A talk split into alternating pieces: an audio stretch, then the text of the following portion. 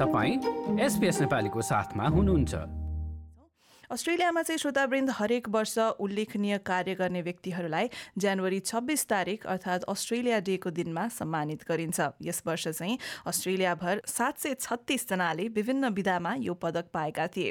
ती विजेताहरूमध्ये आज हामी दुईजनाको यात्राको बारेमा चर्चा गर्नेछौँ। टेरिगल न्यू साउथ वेल्सका स्टुअर्ट ग्रेम टिपल र साउथ अस्ट्रेलियाका डाक्टर टिमथी विलियम प्राउडम्यान पहिले कुरा गरौँ टिप्पलको बारेमा। उनी एक वकिल हुनुका साथसाथै स्वयंसेवी कार्यहरूमा सन् उन्नाइस सय एकानब्बेदेखि लागि परेका छन् र उनले नेपालमा अनाथ बालबालिकाहरूका लागि विद्यालय निर्माण गरेको र कुष्ठरोग भएका मानिसहरूको वासस्थान पुनर्निर्माणमा दिएका योगदानका लागि सामान्य विधाको अर्डर अफ अस्ट्रेलिया पदक पाएका हुन्। सुनौ उनीसँगको यो कुराकानी। तपाईँको समुदाय तपाईँको कुराकानी। SBS Nepali. I'm Stuart Tipple. Uh, I'm a lawyer and I enjoy doing humanitarian work.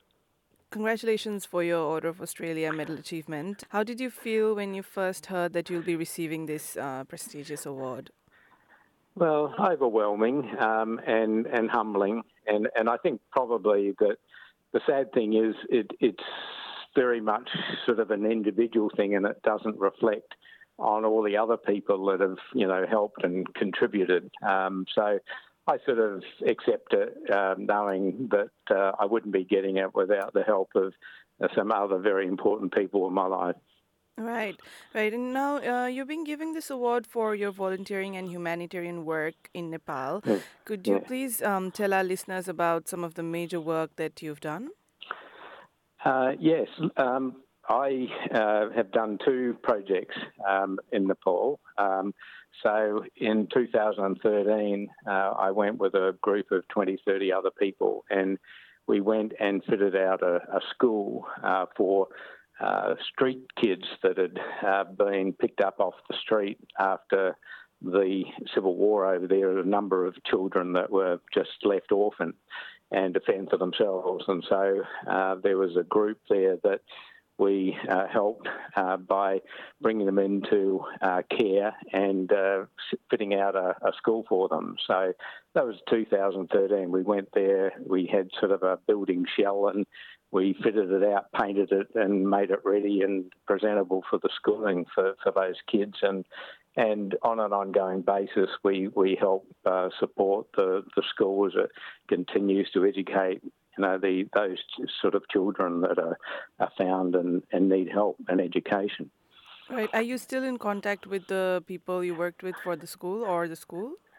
Yes, yes, yes. No, we we regularly contribute to the running of the school, um, and um, that was the project 2013. And then probably even more challenging was the one we did the next year, 2014. Uh, pretty much the same group of people went back, and we uh, refurbished a leper colony, and uh, that that was that was challenging. I often thought there is not enough money in the world um, for me to be paid to do this, and here I am doing it for nothing. But uh, on reflection, the joy uh, that it brought and the personal satisfaction uh, is is priceless. It was just um, both projects just wonderful to have been involved in. The the, the people over there are just beautiful. Uh, I love the children, um, and I just love their their warmth um, and their approach to life.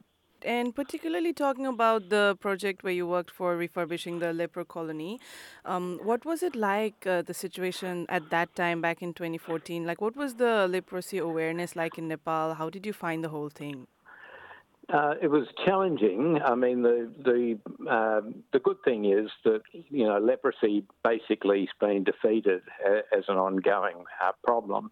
So the people that were living in that colony were people that had contracted it uh, much earlier and were living with the effects of it, and were also uh, living there with their family uh, because uh, there's very little uh, social welfare um, there. So when we went in there, it was uh, buildings that had been built in the, the 1970s and just had had nothing done to them at all.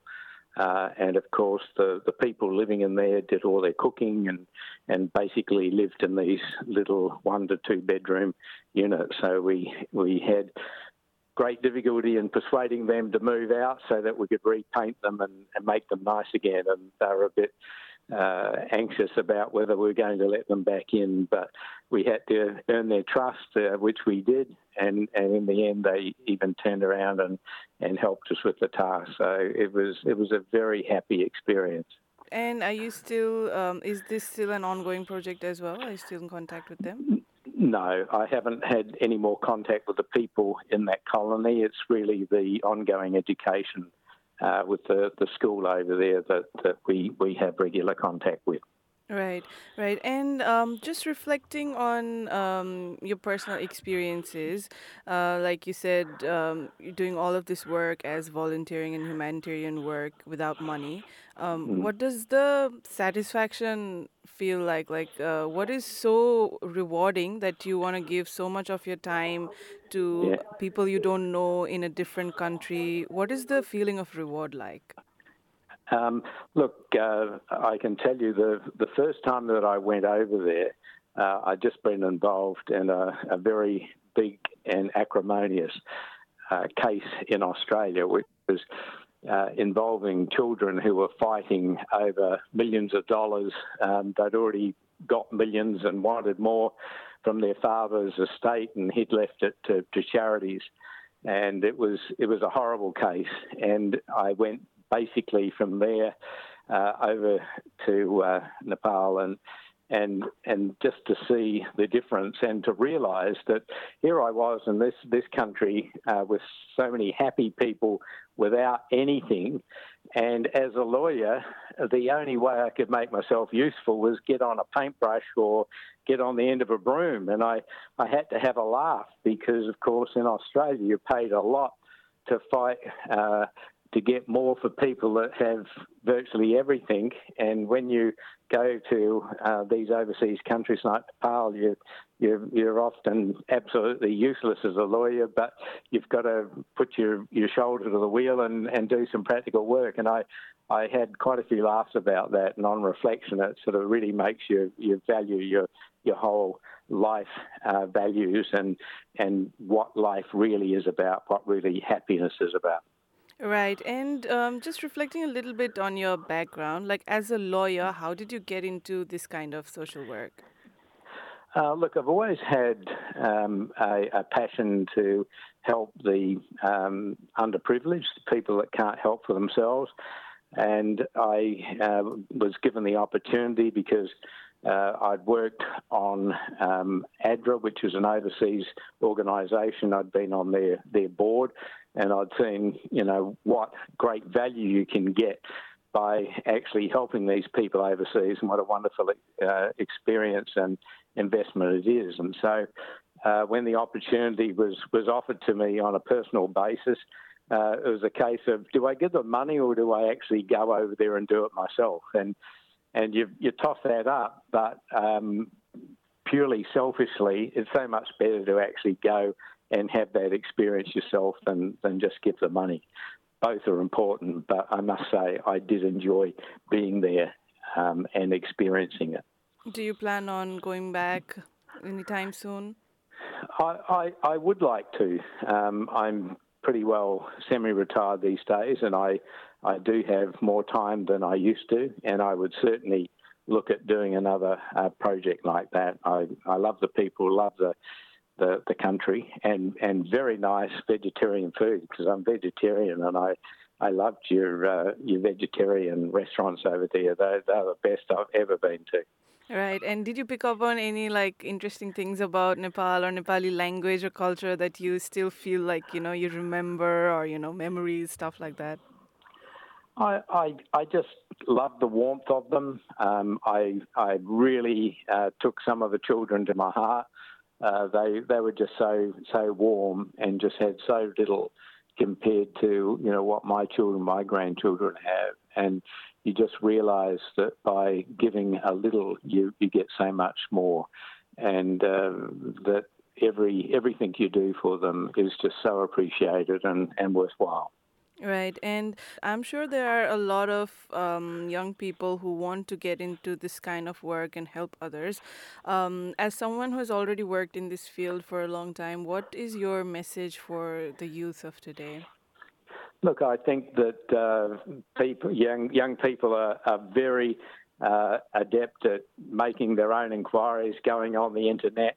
There are a number of organisations that I'm sure that they could uh, track down on the internet um, and offer their services. And uh, and let me encourage them. It, it's a great experience and, and one I'm sure they'll never regret.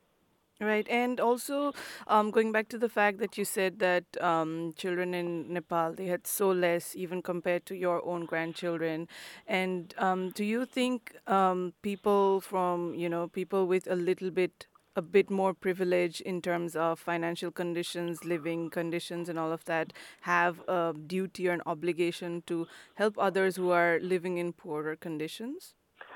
Look, I, I think that you could argue that we have uh, an obligation, but I, I think that it's wrong to do it on the basis that I have an obligation.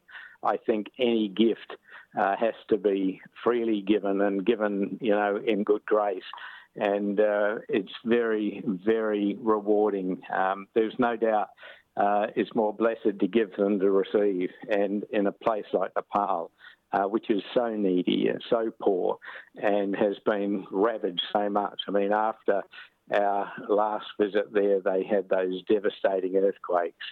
Uh, and you know some of the places that we knew just suffered so horrendously that uh, I, I really would like to go back and and and help again. And again, just encourage young people and anyone out there that wants an experience of their life, yeah, go to Nepal. You won't regret it. तपाईँ SPS radio नेपालीको साथमा हुनुहुन्छ श्रोतावृन्द तपाईँले सुन्नुभयो Stuart Graeme टिपलको सँगको यो कुराकानी। उनले चाहिँ order of अस्ट्रेलियाको सामान्य विधाको पदक जितेका छन् यो वर्ष। पुरा कुराकानीलाई तपाईँले हाम्रो website SPS dot com dot एयुमा पाउन सक्नुहुन्छ। र त्यस्तै गरी अर्डर अफ अस्ट्रेलियामा आफ्नो कोही चिनेको व्यक्ति या कसैको नाम मनोनयन गर्न चाहनुहुन्छ भने अर्डर अफ अस्ट्रेलियाको वेबसाइटमा गएर पनि जानकारी लिन सक्नुहुन्छ। र यस्तै केही कथाहरू यो जस्तै अन्य प्रस्तुति सुन्न चाहनुहुन्छ? एप्पल पोडकास्ट गुगल पोडकास्ट स्पोटिफाईमा हामीलाई खोज्नुहोस् वा तपाईँले पोडकास्ट सुन्ने अन्य सेवामा।